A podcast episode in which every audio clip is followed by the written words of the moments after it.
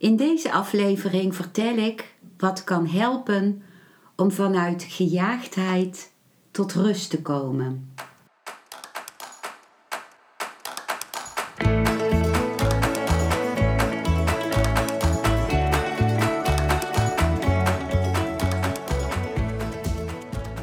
Welkom bij een nieuwe aflevering van Modita's podcast Van Pijn naar Zijn.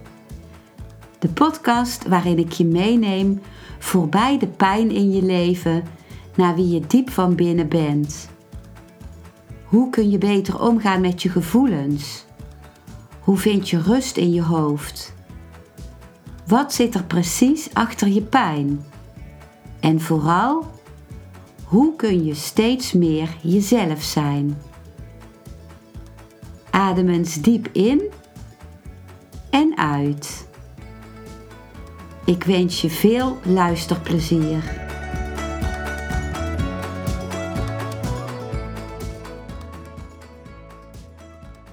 Wat ik bij mezelf merk is dat als ik heel gejaagd ben, dat uh, als ik terug ga kijken, dat er dan meestal iets gebeurd is of dat er iets in mij speelt wat mij gespannen maakt of wat mij bezighoudt van wat ik anders had willen doen of ehm, er is een soort uh, opzien tegen iets. Dat kan van alles zijn wat de oorzaak is van de gejaagdheid. Maar ehm, wat duidelijk is, is dat er iets aan de hand is in mijn zenuwstelsel. En mijn neiging is dan om juist nog gehaaster te zijn. Om te denken van, oh, ik moet nog harder werken of ik moet nog meer in mijn dag proppen of ik moet dingen nog sneller doen. En dat komt in feite omdat door de, de trigger die gezorgd heeft voor mijn gejaagdheid en die ik vaak niet eens bewust heb nog, ervoor gezorgd heeft dat mijn de sympathische tak van mijn onwillekeurige zenuwstelsel actief is geworden. En die sympathische tak die, ehm, die komt eh, in activiteit als er, als er actie nodig is.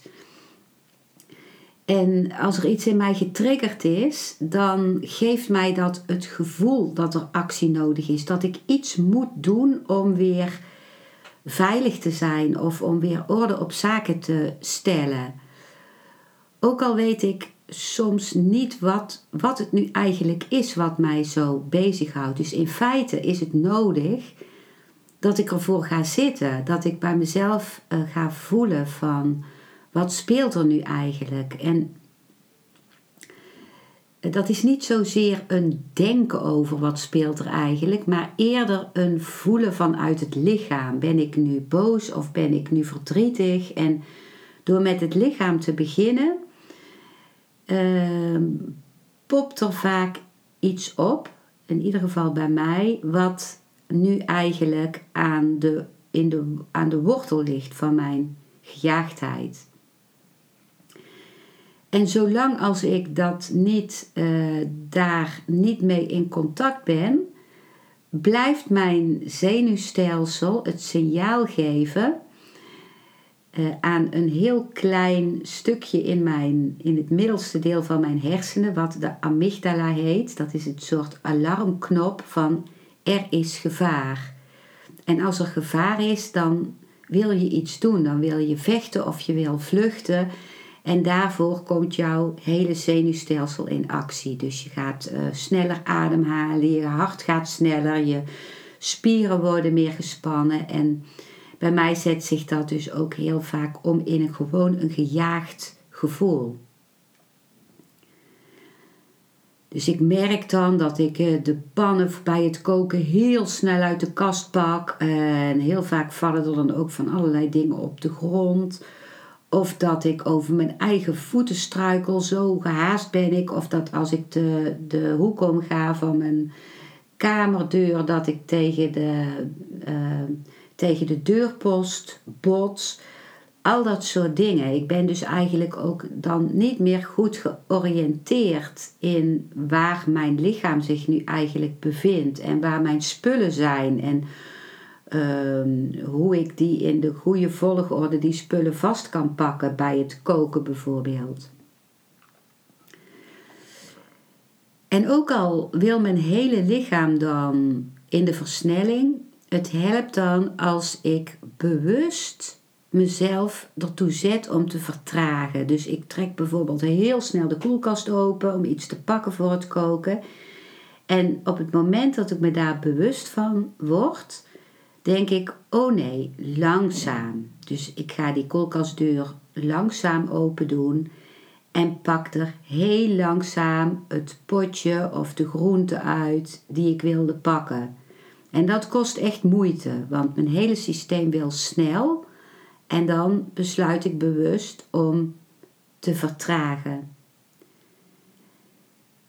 En als ik dat doe, ik merk ook al als ik nu spreek, dat ik dan ook al vertraag in het spreken. Wat ik merk is dan dat, dat alleen dat vertragen al kalmeert. Het vertragen wordt geregistreerd door je lichaam en die amygdala, dat kleine eh, alarmknopje in de, midden in de hersenen, die leest dan af aan jouw spieren die langzamer werken en je ademhaling die langzamer gaat.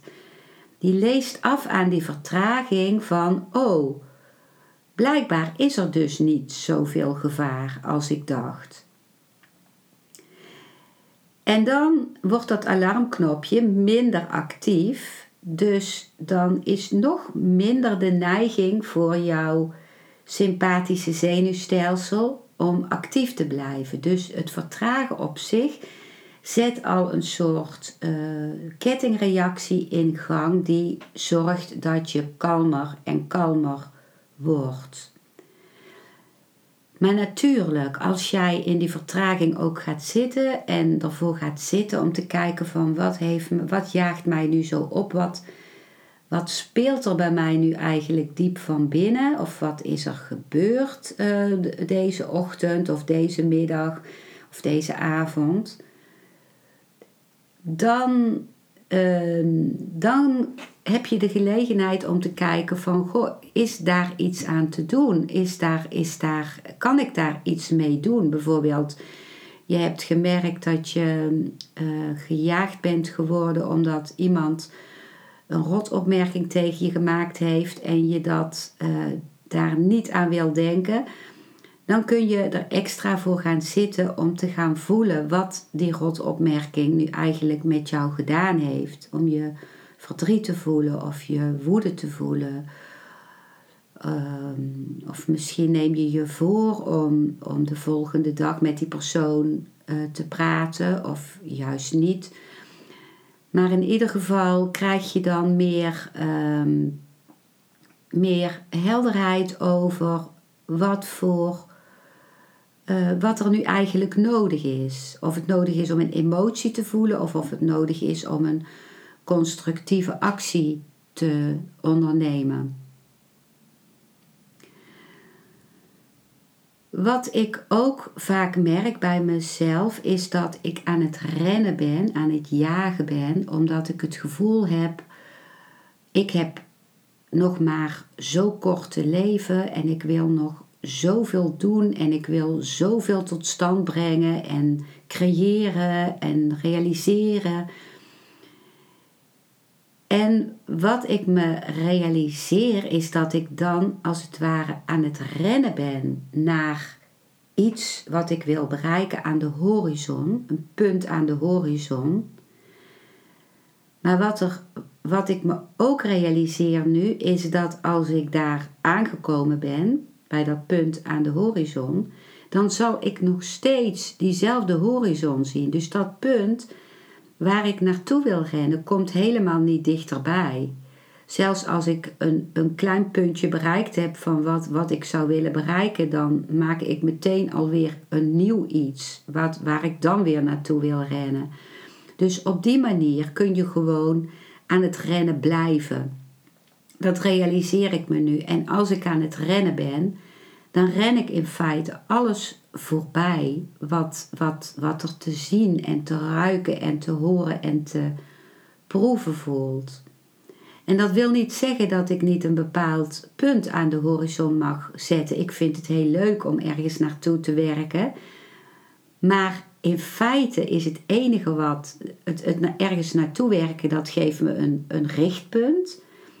Maar het enige waar ik in feite van geniet, is het genieten van, uh, van mijn acties of mijn rustpunten van het daar naartoe werken. Bijvoorbeeld, ik kan in mijn hoofd hebben, ik wil deze, deze podcastaflevering af hebben en dan. Uh, maar in feite geeft mij dat geen bevrediging uiteindelijk om het af te hebben. Het geeft een soort van bevrediging, heel eventjes. Maar de echte bevrediging zit hem in het genieten van dat ik uh, deze podcastaflevering nu aan het spreken ben. En dat ik uh, voel dat jij die zit te luisteren er al is. Dat gevoel heb ik altijd dan. Dus dat ik de mensen die aan het luisteren zijn al om mij heen voel. En om te genieten van het kaarsje dat ik zie branden terwijl ik aan het praten ben. Van het geluid van mijn stem, van mijn, mijn handen die ook bewegen. Ik beweeg altijd met mijn handen ook, ook al ziet niemand dat. Om, uh, ja, om me beter uit te kunnen drukken. En uh, ik geniet ook van het, uh, tijdens het vertellen, het me realiseren van um, wat ik belangrijk vind en wat ik vertel, vertel ik in feite ook aan mezelf. En al die dingen geven mij de bevrediging.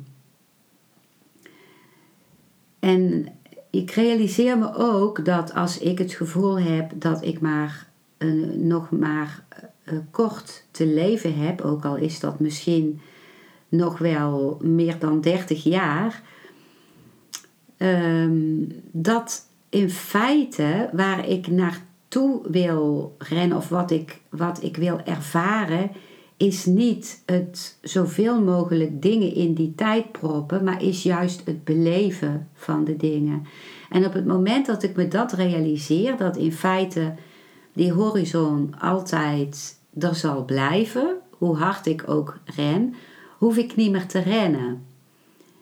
En dan Ehm, ja, dan valt me echt op bijvoorbeeld een poes die gewoon op een auto kan zitten of, of, of op een warm plekje in de zon kan liggen en uh, die, die echt gewoon kan zijn, dat ik dat juist zo aantrekkelijk vind. Terwijl ik het ook heel mooi vind als die poes uh, over het dak aan het sluipen is.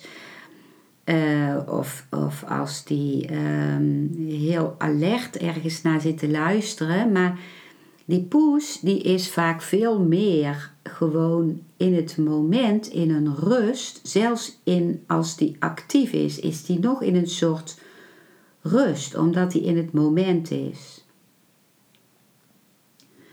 Wat ik ook merk, wat mij een gevoel van gejaagdheid geeft, is als ik te veel dingetjes op mijn lijstje heb staan om die dag te doen.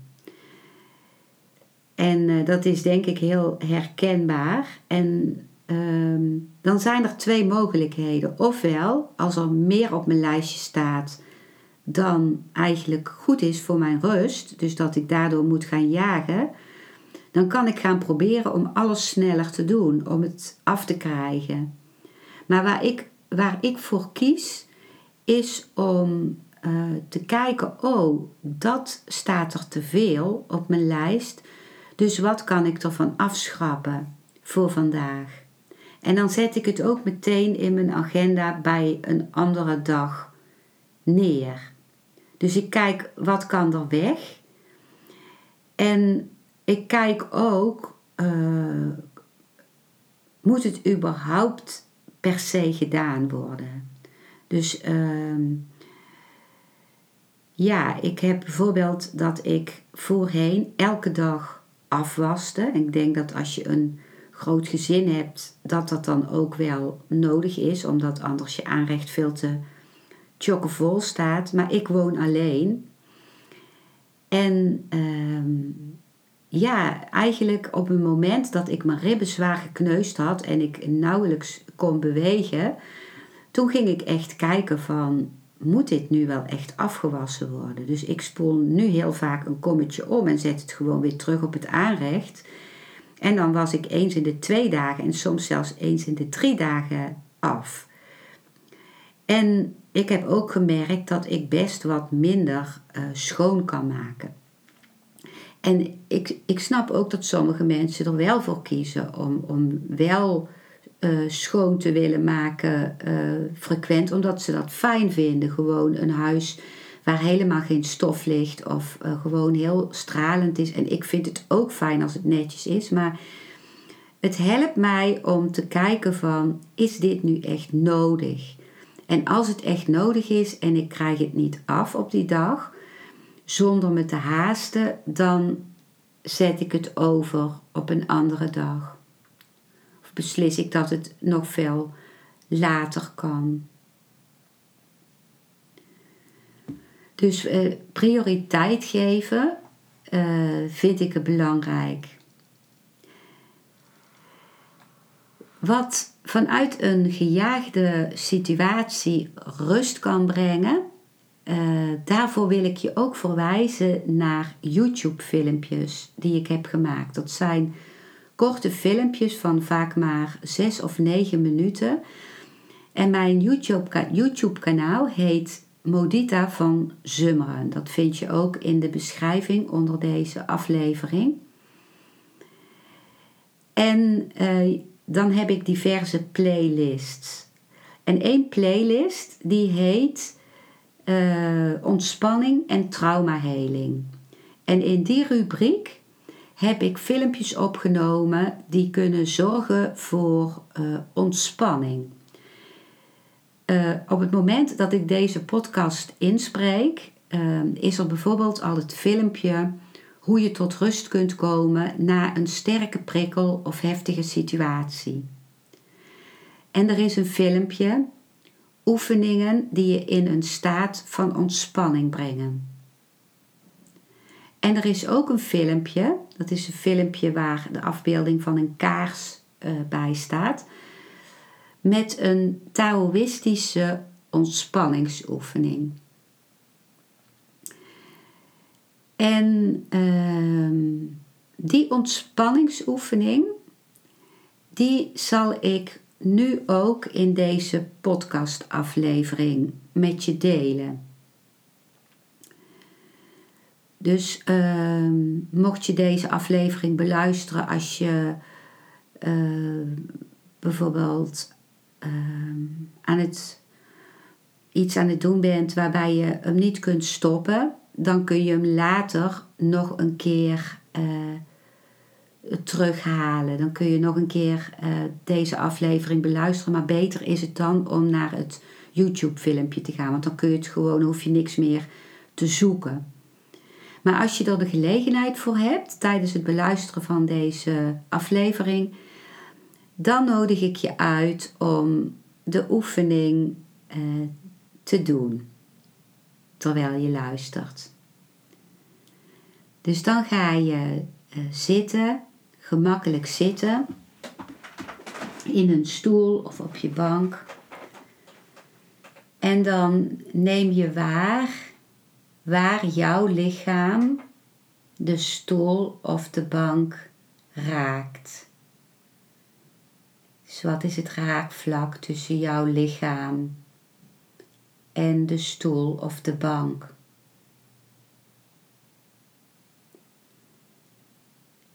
En je kijkt of je ook je hele lichaamsgewicht aan die stoel of aan die bank kunt geven. Dus dat je je echt door de stoel of door de bank laat dragen.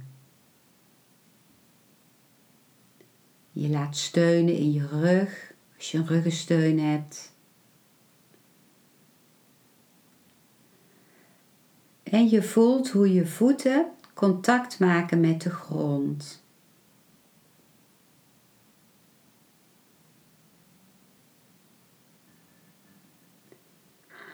En dan adem je diep in.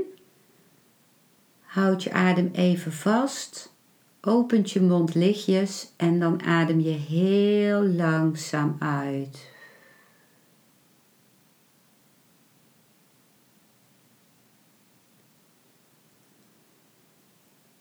En dan stel je je voor dat je ogen van een zacht materiaal zijn en dat ze dobberen in water.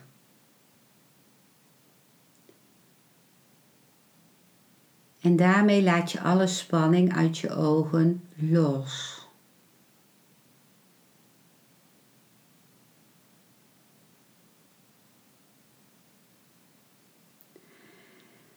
En dan stel je je een glimlach voor, van je mondhoeken naar de puntjes van je oren, een innerlijke glimlach.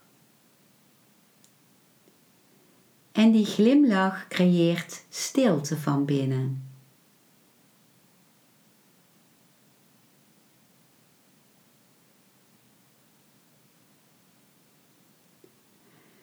En dan ga je met die glimlach naar je hart en je stelt je voor dat zich daar een mooie bloem opent naar iemand of iets waar je veel van houdt.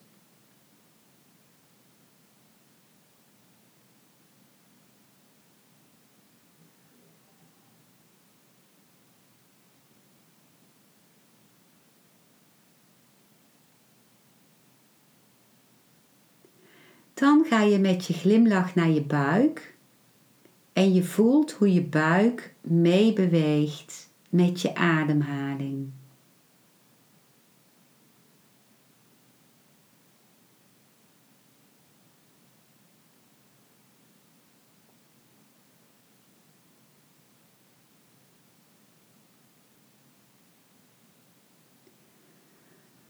Vervolgens glimlach je naar je bekkenbodem en je stelt je voor dat dat een mooie blauwe schaal is waar jij in rust.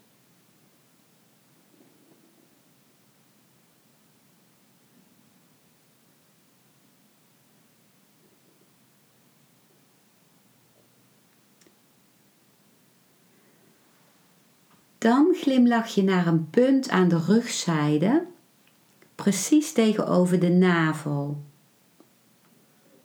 Dat is het Ming-Men punt waar je levensenergie binnenkomt.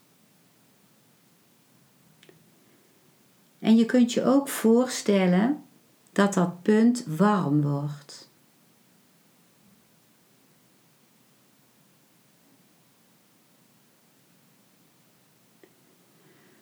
Vervolgens glimlach je naar je nieren aan weerszijden van dat punt. Je nieren die dag en nacht je bloed zuiveren.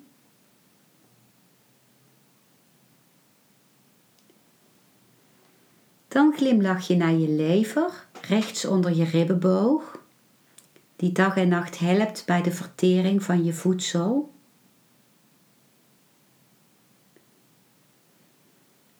Vervolgens glimlach je naar je hart, dat dag en nacht je bloed rondpompt, steeds in het goede ritme.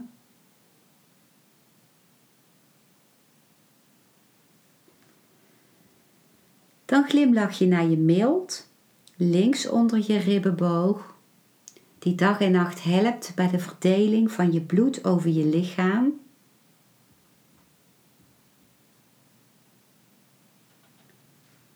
En als laatste glimlach je naar je longen, die je van zuurstof voorzien en die je een gevoel van ruimte en vrijheid geven.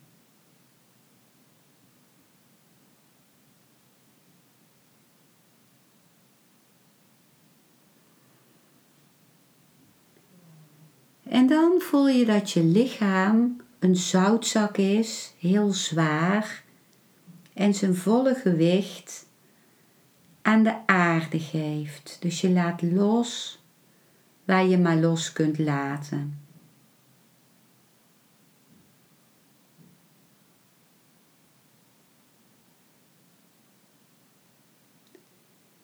En tegelijkertijd realiseer je je dat je je lichaam niet bent. Je bent alleen het bewustzijn.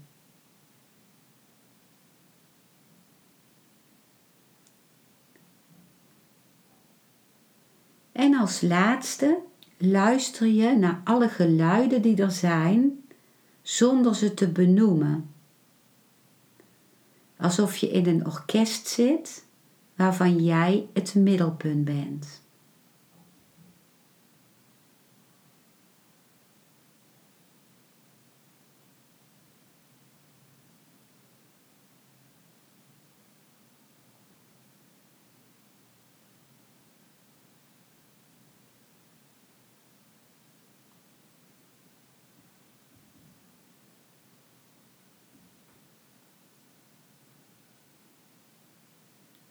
Dat was de Taoïstische oefening.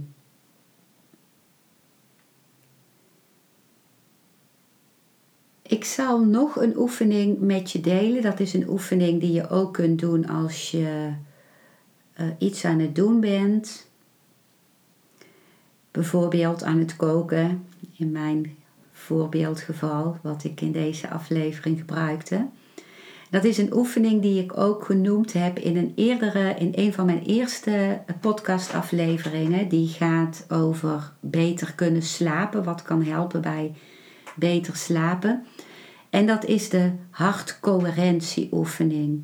Daar zit een hele theorie achter. Door deze oefening uh, breng je het hart in feite in het goede ritme en het hart stuurt in feite alles in ons lichaam aan, zelfs onze hersenen, terwijl wij vaak denken dat het andersom is.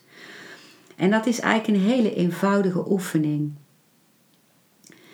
En de oefening is: je ademt vier tellen in, waarbij je je voorstelt dat je inademt via de borstkas. En je ademt zes tellen uit, waarbij je je voorstelt dat je uitademt via de buik.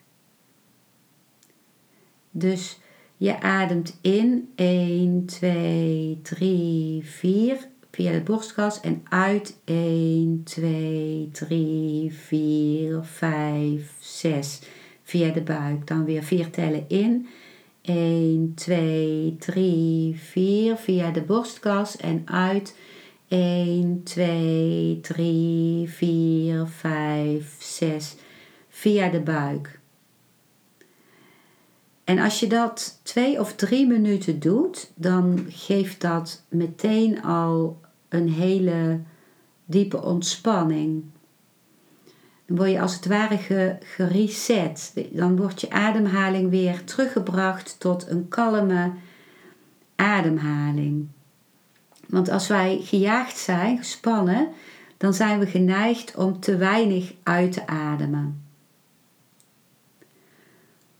Wat ook heel erg helpt om in, het, om in een staat van ontspanning te komen, is zijn meditatietechnieken. Meditatie is in feite niets anders dan in het hier en nu zijn, maar wij hebben daar vaak technieken voor nodig om, om onszelf daar weer aan te herinneren. En voor mijzelf zijn de actieve meditaties van Osho heel behulpzaam. Je zou zeggen waarom actief als je juist tot rust wil komen. Uh, in feite is als jij eerst ruimte kan geven aan activiteit, bijvoorbeeld door te dansen, door uh, geluiden te maken, dan geef je je drukke mind, je, je, je gejaagdheid juist de kans om te kunnen ontladen. En dan zijn de volgende fases van die Osho-meditaties, van die actieve Osho-meditaties, steeds langzamer. Die gaan steeds langzamer tot je vaak eindigt met liggen en niks doen. En ehm, ja, die, die meditaties, daar hoort speciale muziek bij. En ook de actieve uh, stadia geven mij vaak al rust. Als ik dans op die muziek of een zoemend geluid maak op, een, op de muziek van een andere meditatie weer. En eh, wat voor mij een hele helende meditatie is, is de Osho dynamische meditatie. Daar gaat aflevering 25 van deze podcast over. En er zijn natuurlijk uh, heel veel andere meditatietechnieken die jij ook uh, zelf misschien gebruikt of kent, of yoga. Die dingen zijn natuurlijk ook heel goed voor rust te creëren in je systeem. Ook vanuit de traumaheling. Ik doe een opleiding Somatic Experiencing. Dat is een traumahelingsopleiding. Merk ik hoe, uh, hoe goed het is om, uh, om de, de traumarespons die nog in je lichaam zit, geleidelijk aan minder te laten worden. Hoe goed het is om daarvoor en te vertragen, waar, waar ik het al over heb gehad in deze aflevering. En om je te oriënteren in het hier en nu. Dus ook dat, dat is eigenlijk ook het raakvlak van meditatie en traumaheling. Alles wat je in het hier en nu brengt, helpt je om te oriënteren en helpt je hersenen om weer nieuwe verbindingen te maken die nodig zijn bij de traumaheling. En er zijn in feite drie dingen waar je je op kunt oriënteren, die je in het nu kunnen brengen. Dat is door uh, je lichaam te voelen. Vooral uh, als je tot rust wil komen, een plek in je lichaam te zoeken die aangenaam voelt. Ik heb daar ook een YouTube-filmpje over gemaakt in die rubriek uh, van ja, dat is wat ik net noemde. Dat filmpje hoe je tot rust kunt komen na een sterke prikkel of heftige situatie. Dus je kunt een plek in je lichaam zoeken waar, je, waar het aangenaam voelt op dit moment. En dat hoeft geen grote plek te zijn. Dat kan zelfs het puntje van je teen zijn of, of um, je, je billen. Of je billen zijn natuurlijk wel weer groter. Maar gewoon een plek waar het aangenaam voelt. Je kunt je ook uh, een oriëntatiepunt uh, vinden, een, een plek in het hier en nu. Daar, of in het hier en nu kun je ook komen door je te oriënteren via je zintuigen. Dus wat zie je als je rondkijkt in de ruimte waar je nu bent? Of op, op, op de plek buiten waar je nu bent. Wat, wat zie je dan? En wat vind je fijn om naar te kijken bijvoorbeeld? En wat hoor je? Wat hoor je? Hoor je een vogel zingen of hoor je het geluid van verkeer of hoor je je koelkast snorren of wat hoor je? Horen brengt je altijd in het hier en nu, want geluid, eh, als je blijft, blijft focussen op luisteren, dan veranderen geluiden continu. En wat proef je op dit moment? Is er een bepaalde smaak in je mond? En wat ruik je?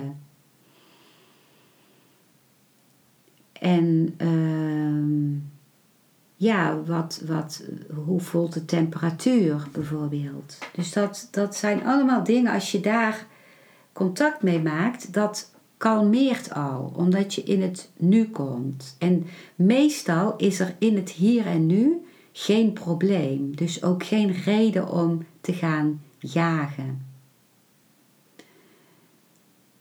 En soms is jagen of gehaast zijn ook nodig. Dat ik deze podcastaflevering maak van uh, uit je gejaagdheid komen uh, en tot ontspanning komen. Dat is niet altijd uh, het, het, het, het juiste. Want het kan ook juist nodig zijn dat er actie is. Soms moet je rennen om een trein te halen. Of soms moet je ineens heel hard de straat op rennen omdat een kind bijna voor de auto springt. Of moet je even haasten om iets af te krijgen. En dan gaat het erom om te genieten van die haast ook. Om te denken, goh, wat, wat heerlijk dat mijn lichaam dit kan doen. Dat die zo in een versnelling kan komen en dat ik nu even zo snel kan werken. Dus ik had het al over hoe je in het nu kan komen als je wel tot ontspanning wil komen. Dus dan helpt de oriëntatie in het hier en nu door, door naar een plek te gaan in je lichaam waar het fijn voelt je bewust te zijn van wat je waarneemt met je zintuigen. of om een verbinding te maken met iemand anders, oogcontact of ehm, naar iemand te kijken of, of met iets anders. Bijvoorbeeld een boom, dat je met je tegen een boom aan gaat staan of dat je kijkt naar de takken, dat je daar verbinding mee maakt of met een dier. Dus verbinding maken met iets of iemand anders. Dat activeert het sociale zenuwstelsel en dat geeft ook een gevoel van rust en welbevinden.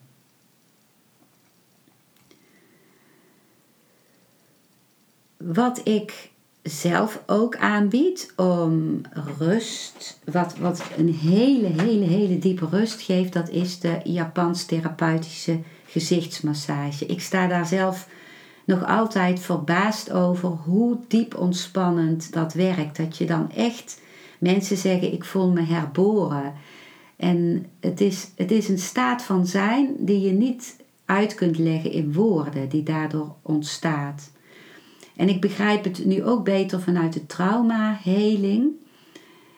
Uh, omdat deze massage ook uh, de uh, hersenzenuwen stimuleert die zorgen voor een hele diepe ontspanning, onder andere. Dus mocht je dat willen ervaren en je kunt naar Eindhoven komen, dan ben je van harte welkom. Als laatste van deze aflevering lees ik een stukje voor van Osho, de woorden van Osho uit het boek The Secret of Secrets, hoofdstuk 17. En dat gaat over haast je niet. Dus hier komen Osho's woorden. Het pad van de Tao is niet dat van plotselinge verlichting. Dus hier spreekt Osho over de Tao, zoals ook de ontspanningsoefening die ik gaf een Taoïstische oefening is. Dus hier, gaat Osho verder. Het pad van de Tao is niet dat van plotselinge verlichting. Het is niet zoals Zen. Zen is plotselinge verlichting. Tao is een geleidelijke groei. Tao gelooft niet in plotselinge, abrupte veranderingen. Tao gelooft in het gelijke tred houden met het bestaan. Dingen op zichzelf laten gebeuren. Je weg op geen enkele manier afdwingen. De rivier op geen enkele manier duwen. En de Tao zegt: Je hoeft geen haast te hebben, want de eeuwigheid is beschikbaar voor jou. Zaai de zaadjes op tijd en wacht. En de lente komt, zoals hij altijd is gekomen. En als de lente komt, zullen er bloemen zijn. Maar wacht, wees niet gehaast.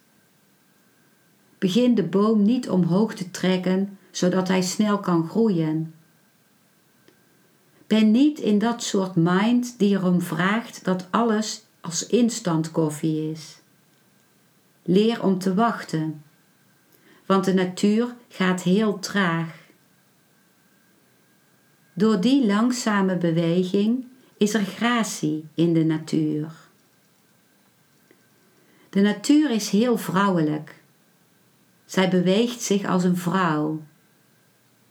Zij rent niet. Zij heeft geen haast. Er is geen haast. Ze gaat heel langzaam. Een stille muziek. Er is een groot geduld in de natuur. En de Tao gelooft in de weg van de natuur. Om precies te zijn betekent Tao natuur. Dus de Tao heeft nooit haast. Dit moet begrepen worden. De fundamentele leer van de Tao is: leer om geduldig te zijn. Als je oneindig kunt wachten, kan het zelfs onmiddellijk gebeuren. Maar je moet er niet om vragen dat het meteen moet gebeuren. Als je het vraagt, gebeurt het misschien wel nooit. Alleen al je vragen zal een belemmering worden.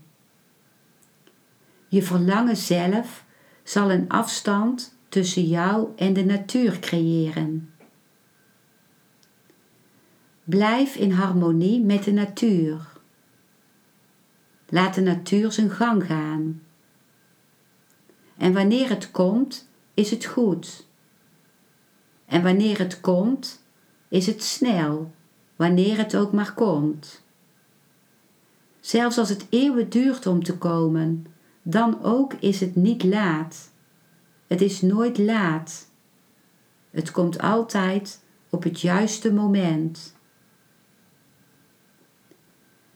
De Tao gelooft dat alles gebeurt wanneer het nodig is. Wanneer de discipel klaar is, verschijnt de meester. Wanneer de discipel er uiteindelijk klaar voor is, verschijnt God. Jouw waardigheid, jouw leegte, jouw ontvankelijkheid, jouw passiviteit maakt het mogelijk. Niet je haast, niet je gejaagdheid, niet je agressieve houding. Onthoud dat de waarheid niet veroverd kan worden. Je moet je overgeven aan de waarheid. Je moet veroverd worden door de waarheid. Maar ons hele onderwijs in alle landen door de eeuwen heen is er een geweest van agressiviteit, van ambitie. We maken mensen heel gehaast. We maken ze heel erg bang. We vertellen ze: tijd is geld en heel kostbaar. En als het eenmaal voorbij is, is het voor altijd voorbij. Dus haast je. Wees er snel bij. Dit heeft mensen gek gemaakt. Ze haasten zich van het ene punt naar het andere. Ze genieten nooit van een plek. Ze rennen de wereld rond van het ene intercontinentale hotel naar het andere intercontinentale hotel. En die zijn allemaal hetzelfde. Of je nu in Tokio bent, of in Bombay, of in New York, of in Parijs, maakt geen verschil. Die intercontinentale hotels zijn allemaal hetzelfde. En mensen haasten zich van het ene intercontinentale hotel naar het andere, denkend dat ze de wereld rondreizen. Ze hadden in één intercontinentaal hotel kunnen overnachten en hadden nergens anders heen hoeven gaan. Het is allemaal hetzelfde. En ze denken dat ze ergens uitkomen. Snelheid maakt mensen neurotisch. Haast je niet en word niet wanhopig. Als je vandaag faalt, voel je dan niet hopeloos. Als je vandaag faalt, is dat natuurlijk. Als je een paar dagen blijft falen, is ook dat natuurlijk.